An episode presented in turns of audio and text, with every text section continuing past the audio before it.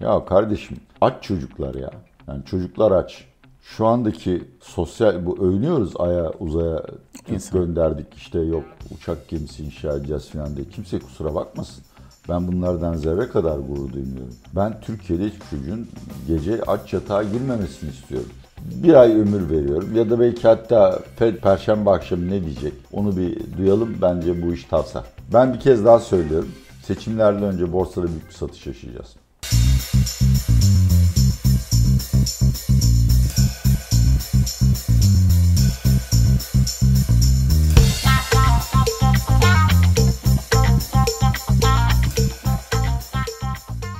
Atiye Bey merhaba. Merhabalar Semih. Nasılsınız? Ya bırak hoşbeşte Türkiye'nin gerçek sorunlarını konuşalım. Çünkü bugün gerçekten çok kızgınım. Yani bugün Türkiye'de İstanbul'da 7. kar alarmı. Şuraya bak kediler mayo ile geziyor. Havuza gidecekler. Dışarıda 30 derece. Yani güneş panellerini kullanıyor. Abi meteorolojistler yanlış tahmin yapmak istiyorsa ekonomist olsunlar. Bu Size mi bıraksınlar bu işe? Bu- Bize bıraksın ben kafadan uydurayım 3 gün sonra. Sarı alarm, kırmızı alarm diye. İnsanların hayatını mahvediyorlar ya. Yani işte okullar tatil diye bir kısmet Karayiplere götürecektim. Çocuğum yok ama buluyorum birilerini götürüyorum. Gidemedim kar yağacak deyince. Sizin Gerçekten bu ızdırabınız da çok zor ya. Evet.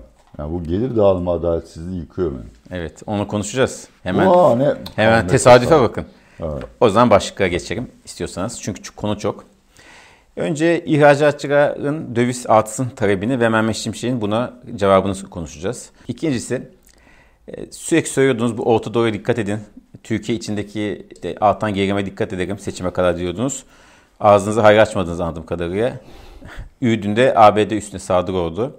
Sarıyer'de kiliseye saldırı gerçekleşti. Aynı zamanlarda da F-16, F-16 onayı geldi Türkiye'ye. Tabii ki Yunanistan'da F-35. Bunu soracağım. Ee, jeopolitik gelişmeler ve Türkiye içindeki gerilimler nasıl etkiliyor Türkiye'yi diye. Cini kat sayısı açıklandı. Yani geri adaletsizliği ve rekor kırdık. Tebrik ediyoruz. Emeğe geçen herkese büyük bir Başkanımız sağ olsun. Büyük bir emek var bu- bunda çünkü. Onu soracağım ve tabii ki izleyici sorulara devam edeceğiz ve sonlandıracağız. İstiyorsanız başlayalım. İş dünyası diyor ki bu döviz artsın. Biz bu kurla ihracat yapamıyoruz. Hem ücret zamları hem en- içerideki enflasyon bizim maliyetlerimizi çok arttırıyor. Rekabet gücümüzü azaltıyor. Mehmet Şimşek de dedi ki bu iş döviz kuru olmaz. Bu iş yurt dışı talebe bakar. Biz de destek olmaya devam edeceğiz dedi. Siz nasıl bakıyorsunuz bu tartışmaya? İş dünyası bugün bir ilave daha yapayım. Ee, Ankara Ticaret Odası Evet. Başkanı beyefendinin ismini hatırlayamıyorum. O da finans, Gülsel Baran. Gürsel Baran. O da finansman erişim sorunlarından şikayet etti. Yani iş dünyasının şikayeti normal. Tabii ki bir e, menfaat grubu olarak e, menfaatlerini şiddetle savunacak. De iş dünyasına şunu sormak lazım. E, Türkiye'de dolar TL senede %100 artarken sen ne kadar ihracatını arttırdın? Bir, faizler senin için %10'a düşmüşken sen ne kadar yatırım yapıp üretim maliyetlerini düşürdün ve verimliliğini arttırdın? Her sene İstanbul Sanayi Odası en büyük 500 şirket yayınlar ve 20 senedir de aynı şey yazılır. İşte yüksek finansman maliyetleri bizi öldürüyor. Borçlanmayın kardeşim.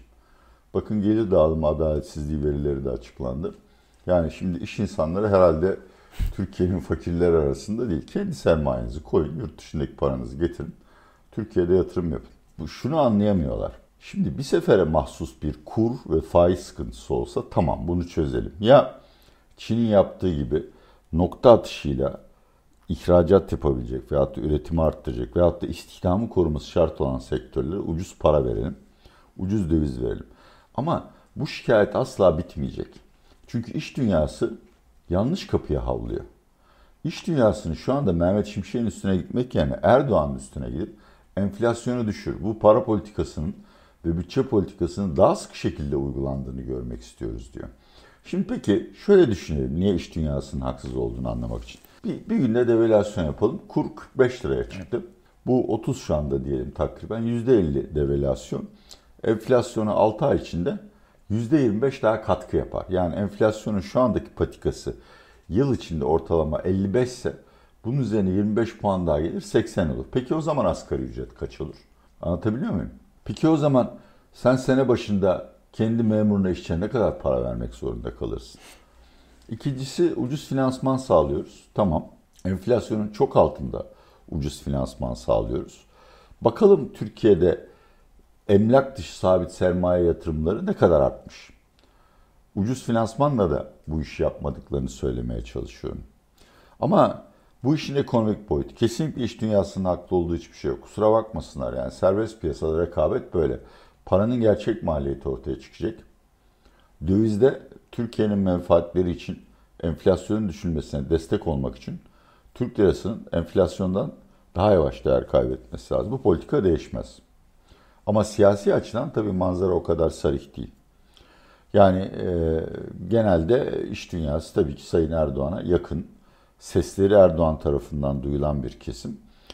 Ve her zaman olduğu gibi bu tartışma hem Türkiye'de bu konunun paydaşları, piyasa oyuncuları hem de yurt dışında Mehmet Şimşek'in akıbeti ne olacak sorusuna getirir bizim. İş dünyası çıkıyor Mehmet Şimşek'i hedef alarak veyahut da Gaye hedef alarak bir takım şeyler söylüyor. Sayın Erdoğan çıkıp arkadaşlar ya biraz sabırlı olun ya bize bir 6 ay müsaade edin. Bu ekibi koruyorum.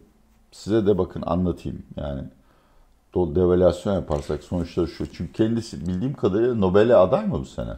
Yok bu sene boş geçti. Bu sene ilk yani, defa boş geçti. İsveçler. 5 senede ilk defa boş geçti. Bence evet e, şeyleri İsveç'in üyeliğini erken onaylasaydı bu sene evet. Nobel'e aday olabilirdi. Ekonomi mi? Edebiyat mı? Fizik mi? Neyse. Şimdi şey diyeceğim. Kimya, kimya. Şimdi şunu soracağım. Esasında TÜSİAD mesela bu yönde sizin söylediğiniz gibi işte Erdoğan yani Cumhur ekonomi yönetimine esasında destek çıkıyor. Enflasyon mücadele edilmelidir diyor. Ama Erdoğan'a, AKP'ye yakın iş dünyası da bu tip zerzenişler daha çok oluyor. Yani işte faizden şikayet ediyorlar, dövizden şikayet ediyorlar. Ama TÜSİAD çok daha mesafeli hatta kavgalı bir diyebiliriz. Bu, bu tip konularda mevcut politika daha teşvik edici söylemli de bulunuyor. Siz buna nasıl yaklaşıyorsunuz? Çünkü TÜSİAD'ın tuzu kuru. TÜSİAD üyeleri Türkiye'de bankalardan borçlanmaz. Gider yurt dışında Eurobond ihraç eder. Türkiye'de bankalardan borçlansa da ona teklif edilecek olan faiz standart bir sanayici veyahut da iş insanının faizinden çok daha düşüktür. Yani kredi erişimi çok daha rahattır. Daha uzun vadeli düşünme lüksüne sahiptir. Sermaye biriktirmiştir. Kendi yatırım programlarını 3 yıllık yapar. Ben yani Türkiye'de ihracatçı ve iş insanının zor durumda olduğunu inkar etmiyorum. Ama şunu söylemeye çalışıyorum. Yani onların önerdikleri çözümle bir yere varamayız. O yüzden TÜSİAD bu şeyin dışında durur. Yani açıkçası finansmana şu veya bir şekilde erişimi olan, döviz fazlası olan veyahut da nakit akımı, nakit üretimi Aynen. güçlü olan şirketler zaten bu şeye katılmazlar. Mehmet Şimşek'in siyasi geleceği açısından şu ana kadar sanayiciden ve ihracatçıdan şikayet geliyor. Müteahhitlerden pek bir şey duymuyoruz. Evet. Onların da sıkıntıları var ama onların sıkıntıları dikkat edersen faiz ve kur konusunda değil. Halbuki yurt dışında çok iş yaparlar. Onlar daha çok eskalasyon olmamasından yani ihalelerin sabit fiyatla bağlanması ve enflasyon zammı verilmemesinden şikayetçiler. Ama o lobide Mehmet Şimşek aleyhine dönerse o zaman Mehmet Şimşek'in çok uzun süre görevde kalacağını garanti eden evet, bir Merkez Bankası Başkanı Erkan. Ki konu satışları düşüyor sonuçta. Evet ama bu inşaat sektörünün ne kadar. Ya tabii Ahmet abi şimdi yine... yine evet. Sevgilerim. Bak içimi korku bastı görüyor musun? Bu işte gönüllerdeki sansür. Ahmet evet. abiden kork. Ama inşaat sektörüne ne kadar zedelendi ondan emin Hı. değilim. Çünkü yani konut satışlarının zaten %65'i ikinci el konut satışları. Yani hangilerinde düşüş var? Muhtemelen ipotekler İpotek ikinci el konuttur. Evet ama orada da e, bu kentsel dönüşüm projesi acilen hayata geçti. Seçimden sonra muhtemelen canlanacaktı orası. İşte o yerel seçimlerdeki evet. zaferine bağlı. Kentsel dönüşümü çok uzatmayayım. Tek bir cümleyle söyleyeceğim. Türkiye'de bunu gerçekleştirecek finansman yok. Şimdi siz sürekli diyordunuz Türkiye seçime kadar e, iç gerilim yaşayabilir. Bundan korkuyorum diyordunuz ve soru özel kanalınızda yaptığınız yayınlarda da Orta Doğu'daki kaynamaya, gerilime işaret ediyordunuz. Bunların hepsi sıkıştırılmış şekilde son 2-3 günde yaşandı esasında. Tamam. İşte ABD üstüne saldırı oldu. 3 Amerikan askeri e, hayatını kaybetti şu an için. Sarıyer'deki kilisede bir vatandaşımız hayatını kaybetti. Ve F-16'ya izin çıktı. Ve aynı zamanda da Yunanistan'da F-35 verildi. E, ne diyorsunuz bütün bu gelişmelerin e, Türkiye siyaseti ve ekonomisi üzerinde etkilerine? Valla Orta Doğu konusunda gittikçe daha fazla endişeleniyorum. İki sebebi var. Bir, meselenin temel kaynağı olan Gazze'de Netanyahu'nun barış yapmak için hiçbir inisiyatifi yok. Çünkü hapse gidecek.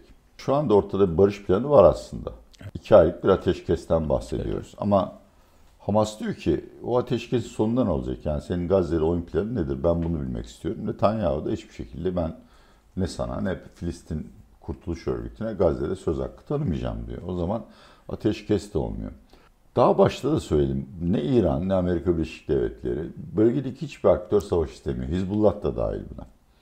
Ama gittikçe istenmeyen nedenlerden dolayı bir savaşa doğru sürüklenmeye başladık. Şimdi bugün İran Ürdün'deki saldırı üstlenmedi. Evet. Yani ben ne yaptıklarını bilmiyorum dedi.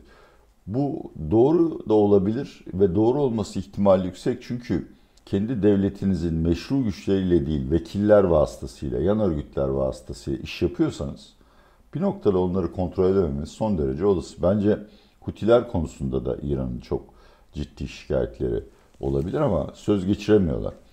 Bu tür şimdi Biden intikam. Biden mecbur. mecbur. Yani nasıl biz tam seçim dönemi. kendi askerimizin şehit olmasına karşı çok büyük bir hassasiyet gösteriyorsak Amerikalılar da farklı değil.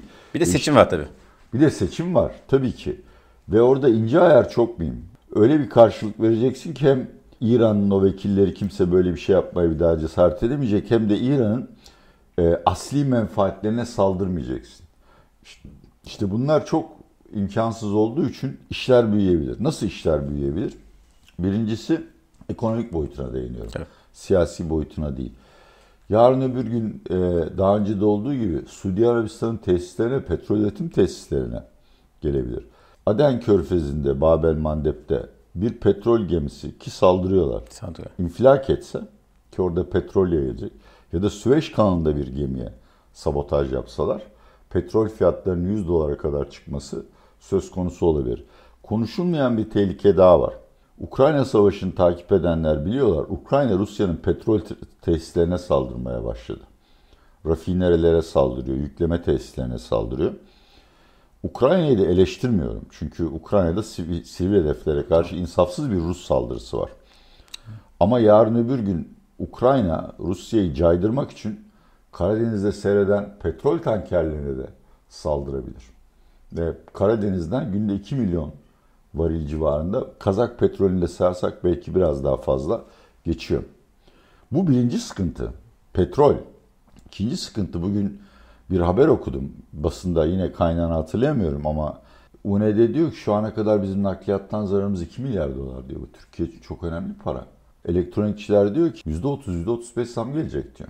Şimdi Türkiye açısından felaket yani Amerika Birleşik Devletleri şurası burası petrol 5-10 dolar oynar kaldırır. Bizde dikkat edersen şimdi Ocak'ta enflasyon 5 ile 10 arasında çıkabilir. Evet. Şubat'ta falan da yüksek çıkacak. O enflasyonun ivmesinin üstüne bir de bu ithal mallardan gelen, enerji dışı ithal mallardan gelen fiyat ivmesi ve Brent'te bir 10 dolarlık şey yükseliş. gelirse, yükseliş gelirse o zaman program yani bir sıkıntıya düşer. İki, Erdoğan'ın seçimleri kazanma şansını sorgulamaya başlarım. Üçüncüsü ve daha en kötüsü seçimlerden sonra programın devam edeceğini çok yüksek olasılık tanıyorum. O zaman yani düğmeleri öyle bir sıkıştırmak gerekir ki ihracatçılar bağıramayacak kadar halsiz kalırlar. Evet peki. Türkiye'de bir işte milliyetçilik akım var. Ne zaman Amerika'ya falan baş kaldırsak insanların hoşuna gidiyor ama yani Erdoğan'ın e, dış politikada yaptığı hataların bedeli çok ağır. 4.2 milyar dolar aldık değil mi S-400'de? Çünkü bütün bu hikaye oradan başlıyor. Bizim F-35 programından evet. dışlanmamız. Şimdiye kadar kullanılmasını bırak aktive bile Aktive edilmedi. depoda. Evet. Ukrayna'da gösterdi ki S-400'ler de öyle pek güvenilir bir silah değil. Niye aldık biz bunları ya? Zaten bir amacı da yoktu. Yani kullanabileceğimiz bir ülke yok. Çünkü bize karşı o boyutta askeri tehdit Rusya ve İran'dan gelebilir sadece. Onlar da müttefikimiz. Ondan sonra o programdan dışlandık ve Türkiye savunma sanayi çok ağır bir ivme kaybetti. Şimdi F-16'lar için yalvaracak hale geldik. Benim okuduklarıma göre Erdoğan'ın bu İsveç için daha fazla uzatmama kararının arkasında Amerikan yönetiminden gelen bir uyarı var. Onlar şu ana kadar nezaketen Yunanistan F-35 satışını da kongreye onaya göndermiyorlardı. Demişler ki yani artık biz bak beklemekten bıktık. Ya onaylarsın İsveç'in NATO üyeliğini ya da sen F-16'larda avucunu yalarsın. Yunanistan'la uğraşırsın F-35'leri alacak. Terör konusuna gelmek istiyorum. Amerika Birleşik Devletleri inkar etse de Amber'in zaman ve Barçın inanç Suriye'deki Amerika'nın Suriye'deki askerlerini çekeceğini söylüyor. Bunlar çekildiği zaman işit bitmedi. Orada bir hapishane var. 10-12 bin azılı ve çeşitli ülkelerden gelen işit militanları var. Türkiye biz bunları e, hapiste tutarız diyor. Emin değilim becerebilir miyiz? E, emin değilim Suriye'ye girmemize müsaade ederler mi? İşit yeniden patlarsa İşit ve diğer aşırı İslami örgütlerin patlama riski çok fazla. Çünkü bu Orta Doğu kaosu Irak ve Suriye'nin de içini karıştırmaya başladı. Ve oralarda kontrolsüz çok sayıda örgüt var. Ve Türkiye'de Allah göstermesin bir sinagoga veyahut da bir diplomatik hedefe saldırı yapılırsa çok ciddi boyutta evet. para kaçışı yaşarız. Maalesef artık bunlar olamaz diyemiyorum bu noktadan sonra. Dünya açısından savaşın piyasaları etkilemesinin tek yolu enerji ve nakliyat maliyetlerini yeniden enflasyonu yükseltmesi değil. Eğer Gazze'deki bu katliam, bu jenosit devam ederse bütün batıda Yahudi hedeflerine evet, saldırılar hedef. gerçek ve çok yani Yahudilerle Netanyahu aynı şey değil kardeşim. Onların da çok büyük miktarı barış istiyor, savaş istemiyor. Ama iş o noktaya gelebilir. Evet, maalesef. Peki Atilla Bey buradan geri eşitsizliğe geçelim. Türkiye rekor kırdı. Başta tebrik etmiştik zaten emeğe geçen herkese. %20 en yüksek %20 grup %48'den %49.8'e yükselmiş. Ee, en düşük %20 grupsa %6'dan %5.9'a yükselmiş aldıkları pay. Zaten hep konuşuyoruz. Esasında konuştuğumuz her şeyin bir sonucu bu zaten. Hmm. Yanlış ekonomi politikanın, siyasi tercihlerin, dış politikanın, her şeyin. Ne diyorsunuz? Niye de çarpıcı. TÜİK açıklıyor evet, onu. Yani hakikaten ben Türk insanının siyasi kararlarına saygı duyuyorum. Ama niye kendilerini bu duruma getiren bir lidere 20 yıldır oy verdiklerini anlamakta çok güçlük, büyük güçlük çekiyorum. Kılıçdaroğlu daha da mı kötüsünü veyahut da herhangi bir alternatif muhalefet lideri daha da mı kötüsünü yapacaktı? Bunu anlamak güç. Bu gelir adaletsizliğini düzeltmenin yolları var mı sorusuna. Çünkü bu daha da kötüye gidecek. Sebebi de basit. Türkiye'deki siyasi yapı bütün yüküyle ekonominin verimli kaynaklarının üstüne çöktü. Bunu çalma yoluyla yapılıyor. Mafyanın mala çökmesi vasıtasıyla yapılıyor. Bir de ayrımcılık vasıtasıyla. Verimsizlik var. Yani, evet. Yani bir iş birine verilir veyahut da birine bir işi yapmak için lisans verilirken o kişinin parti ve mezhep aidatına bakılıyor. Çünkü bütün bunlar gerçekken ve bütün bunların kısa vadede değiştirme imkanı yokken biz bu gelir adaletsizliğini bir miktarda olsa düzeltebilir miyiz? Evet, vergi reformu yaparak. Yani Türkiye'nin artık vergi gelirlerinin %65-70'ini dolaylı vergilerden elde etmekten vazgeçip zenginlerin üstüne gitmesi lazım. Bir, servet vergilerinin baştan aşağıya geçilmesi lazım. İkincisi, gelir vergisi ödemeyenlerin çok ciddi bir şekilde üstüne gidilmesi lazım. Ve en acilen yapılması gereken de şu. CHP'de bir milletvekili, beyefendinin ismini hatırlamıyorum. Yoksulluk raporu açıkladı. Ya kardeşim aç çocuklar ya. Yani çocuklar aç. Şu andaki sosyal bu övünüyoruz aya uzaya gönderdik işte yok uçak gemisi inşa edeceğiz falan diye. Kimse kusura bakmasın. Ben bunlardan zerre kadar gurur duymuyorum. Ben Türkiye'de hiçbir çocuğun gece aç yatağa girmemesini istiyorum. E bu da bütçe kompozisyonuyla ilgili bir şey. Böyle şeylere para harcamaktan vazgeçin ya. Hani diyebilirsiniz ki ya kardeşim uzay bizim geleceğimiz, işte savunma sanayi geleceğimiz değil. O çocuklar bizim geleceğimiz. Şimdi Atika Bey ilk seyircimiz sorar ki bu mevduat faizleri neden düşüyor? Hala da devam ediyor düşüş. Bu bilinçli bir tercih mi diyor sorar birisi. Yani bunu engellemenin yolları ama çok basit bir sebepten dolayı yüksek faizden e, ticari işletmeler kredi almıyor. Almayı tercih etmiyor, karlı bulmuyorlar. Tüketiciler hala bir miktar alıyor ama bakarsan şu anda Türkiye ekonomisinin şahlandığı 2013-2015 döneminde kredilerin mevduatı oranı %170'e çıkmıştı. Şimdi 70'e düştü. Yani bankanın elinde fazla para var.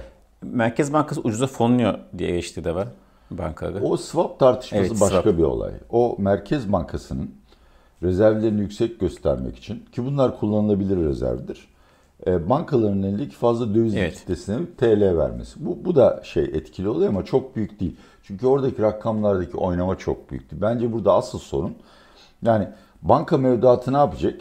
İnşaatçı çimentoyu ne yapar? Binaya dönüştürür, para kazanır. Bankada mevduat alır, kredi dönüş. E, kredi talebi gelmezse bankada mevduat koymak için faizleri indiriyor. Yolları var mı? Ya var. Bir Muzam karşılıkları arttırırsın. İkincisi piyasadaki aşırı likiditeyi çekmek için Merkez Bankası'nın likitte bonoları diye bir imkanı var. Bunu kullanarak piyasadaki likiditeyi çeker. Ama belki e, başka yan etkileri vardır benim bilmediğim. Belki de o anlamda seçim ekonomisine Yani tabii. geçmiştir. E, O İnce ince. Şimdi önümüzdeki iki hafta çok mühim. Çünkü elimizdeki bütün veriler bu Merkez Bankası'nın politika faizini %45'e çıkarmasından önceki döneme ait. Önümüzdeki 1-2 hafta içinde bu 42,5'tan 45'e çıkışın mevduat faizine de paralel Yansıması. olarak yansıması lazım. Yansımıyorsa o zaman ciddi tedbir almaları lazım. Çok basit bir nedenden dolayı lafı uzatmak istemiyorum ama zaten herkese %50 zam verdik. O para piyasaya dökülerek enflasyon yaratacak. Bir de bunun üzerine mevduat faizleri düşerse vatandaş dövize gidecek. Evet. Peki diğer seyircim sorar ki hemen bir yurt dışına gidelim kısa. Trump seçimi kazanır mı? Valla ben %60 ihtimal veriyorum. Kazanmasına. Yani, e, evet. Aslında Biden'la Trump'ı karşı karşıya getiren anketlerde aradaki fark çok büyük değil ama Biden'ın yaşı çok büyük bir dezavantaj. Trump çok genç zaten. Ya Trump gençliği daha yani daha aslında o herif de iyice bunamış durumda. Ama değil tabii. Evet. Şaka yapıyorum. Bir tek şey var, onun da olacağını zannetmiyorum. Trump'ın başkan seçilemeyeceğine dair hukuki bir tartışma var. Buna da Anayasa Mahkemesi karar verecek. Onlar yasaklayabilir ama buna çok büyük ihtimal vermiyorum. Bence çok başa baş bir yarış olacak ama Biden kaybeder diye ihtimal veriyorum. Biden kaybeder. Biden kaybeder. Zaten konuşacağız daha çok var. Ee, bir diğer seyircimiz demiş ki zombi şirketler bir ara çok konuşuluyordu. Faize bu kadar yükseliyor. Şu an çok gündemde değil. Ne durumda zombilerimiz? Yazsın Google'a Concordato haberleri diye bakalım kaç çıkıyor. Bugün Ankara Ticaret Evet. Odası Başkanı Beyefendi de aynı konuya değindi. Konkordatolar yeniden patlamaya başladı. Ya şimdi o Türkiye'deki zombi şirketler tabii ki bu enflasyon muhasebesine geçişten önceki dönemde karlı gözüktükleri için kredilerini falan döndürdüler. Şimdi göreceğiz bu sene.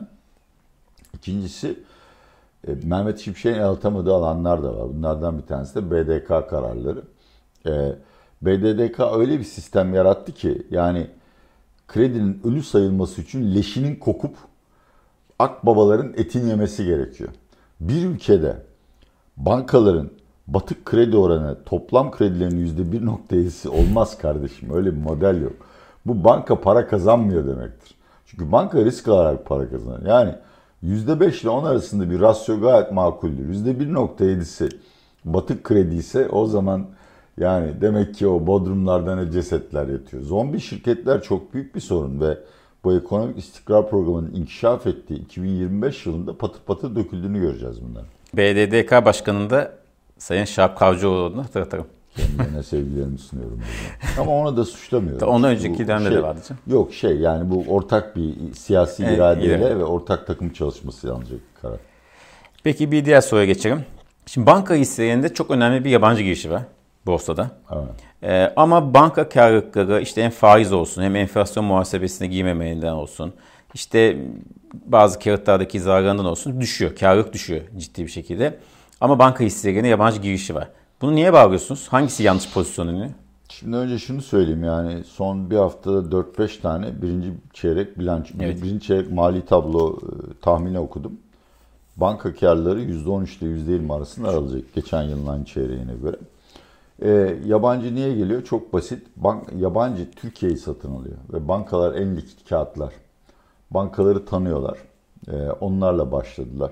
Onların umurunda değil. Çünkü yani e, banka karları düşecek olsa da bankalar gelişmekte olan piyasalardaki eş benzerlerine göre gayet ucuz seyrediyorlar.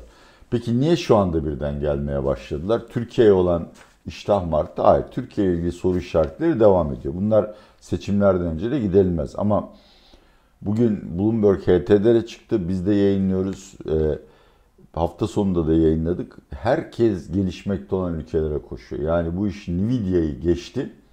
Yeni teknolojik Nvidia. patlamasını. İşte efendim son 10 yılın en büyük fırsatı e tabi Çin'e bile para giriyorsa artık Türkiye kesinlikle girecek. Bu Türkiye'nin fırsatı olabilir ama ben bunun devam edeceğini zannetmiyorum. Bir ay ömür veriyorum ya da belki hatta Fed çarşamba akşamı, perşembe akşamı ne diyecek onu bir duyalım bence bu iş tavsar. Ben bir kez daha söylüyorum. Seçimlerden önce borsada büyük bir satış yaşayacağız. Tabii ki o da en çok banka etkileyecek Yani bu değil mi? fiyatlardan ben satarım. Alıcı olmam. Bir diğer konu da şu. Ee, şimdi belediyenin hani biz birçok bölümde İzmir Belediyesi'ne işte çeşitli e, işte fabrika, e, iz dönüşüm, şaşa su, süt tesisini konuştuk sizinle. E, belediyenin bu tip yatırımlarının istihdam piyasasına etkisi nasıl görüyorsunuz? Türkiye'de önemli oluyor tabii ki. Evet. Yani çünkü belediyeler e, özellikle CHP'li belediyeler asgari ücretin üstünde ödüyorlar. İşçilerin sosyal haklarına ve diğer e, ihtiyaçlarına çok daha fazla önem veriyorlar. Ve buralar bir anlamda da bir işçinin çalışıp toplumdaki sosyal pozisyonunu yükseltmesi için çok önemli bir rol oynuyor. İşte demin dedik. Yani ben kapitalist bir ekonomistim. Bunu açık açık söylüyorum. Normal çalışan piyasa ekonomisinde belediyeler bu işleri yapmaz. Belediyelerin işi bu olmamalı. Ama devlet temel fonksiyonlarını yerine getiremiyorsa, özellikle ülkede açlık ve fakirlik varsa halk ekmek gibi bir kuruma ihtiyacınız var. Sosyal belediyecilik anlayışında da bu tip tesislerin kurulmasına şu denge de gözetiyor bence. Tabii ekonomik değer yaratma, ekonomik katkı, istihdama katkı ama bir de çevreye dikkat. Yani sonuçta tamam hani böyle çok büyük şirketler artık işte net zero'du, işte çevreye duyarlılık, sürdürülebilirlik bunlara önem veriyor ama daha orta ölçekli şirketlerde bunlar daha Türkiye'de hiç yok bu kavramlar. Yani bir yatırım yaparken de çevreye de gözetmek bence önemli bir şey. Bunu devletin yapması veya belediyenin yapması, sosyal belediyecinin yapması. Tabii. Özellikle İzmir, Adana, Mersin, Antalya çok ciddi bir risk altında.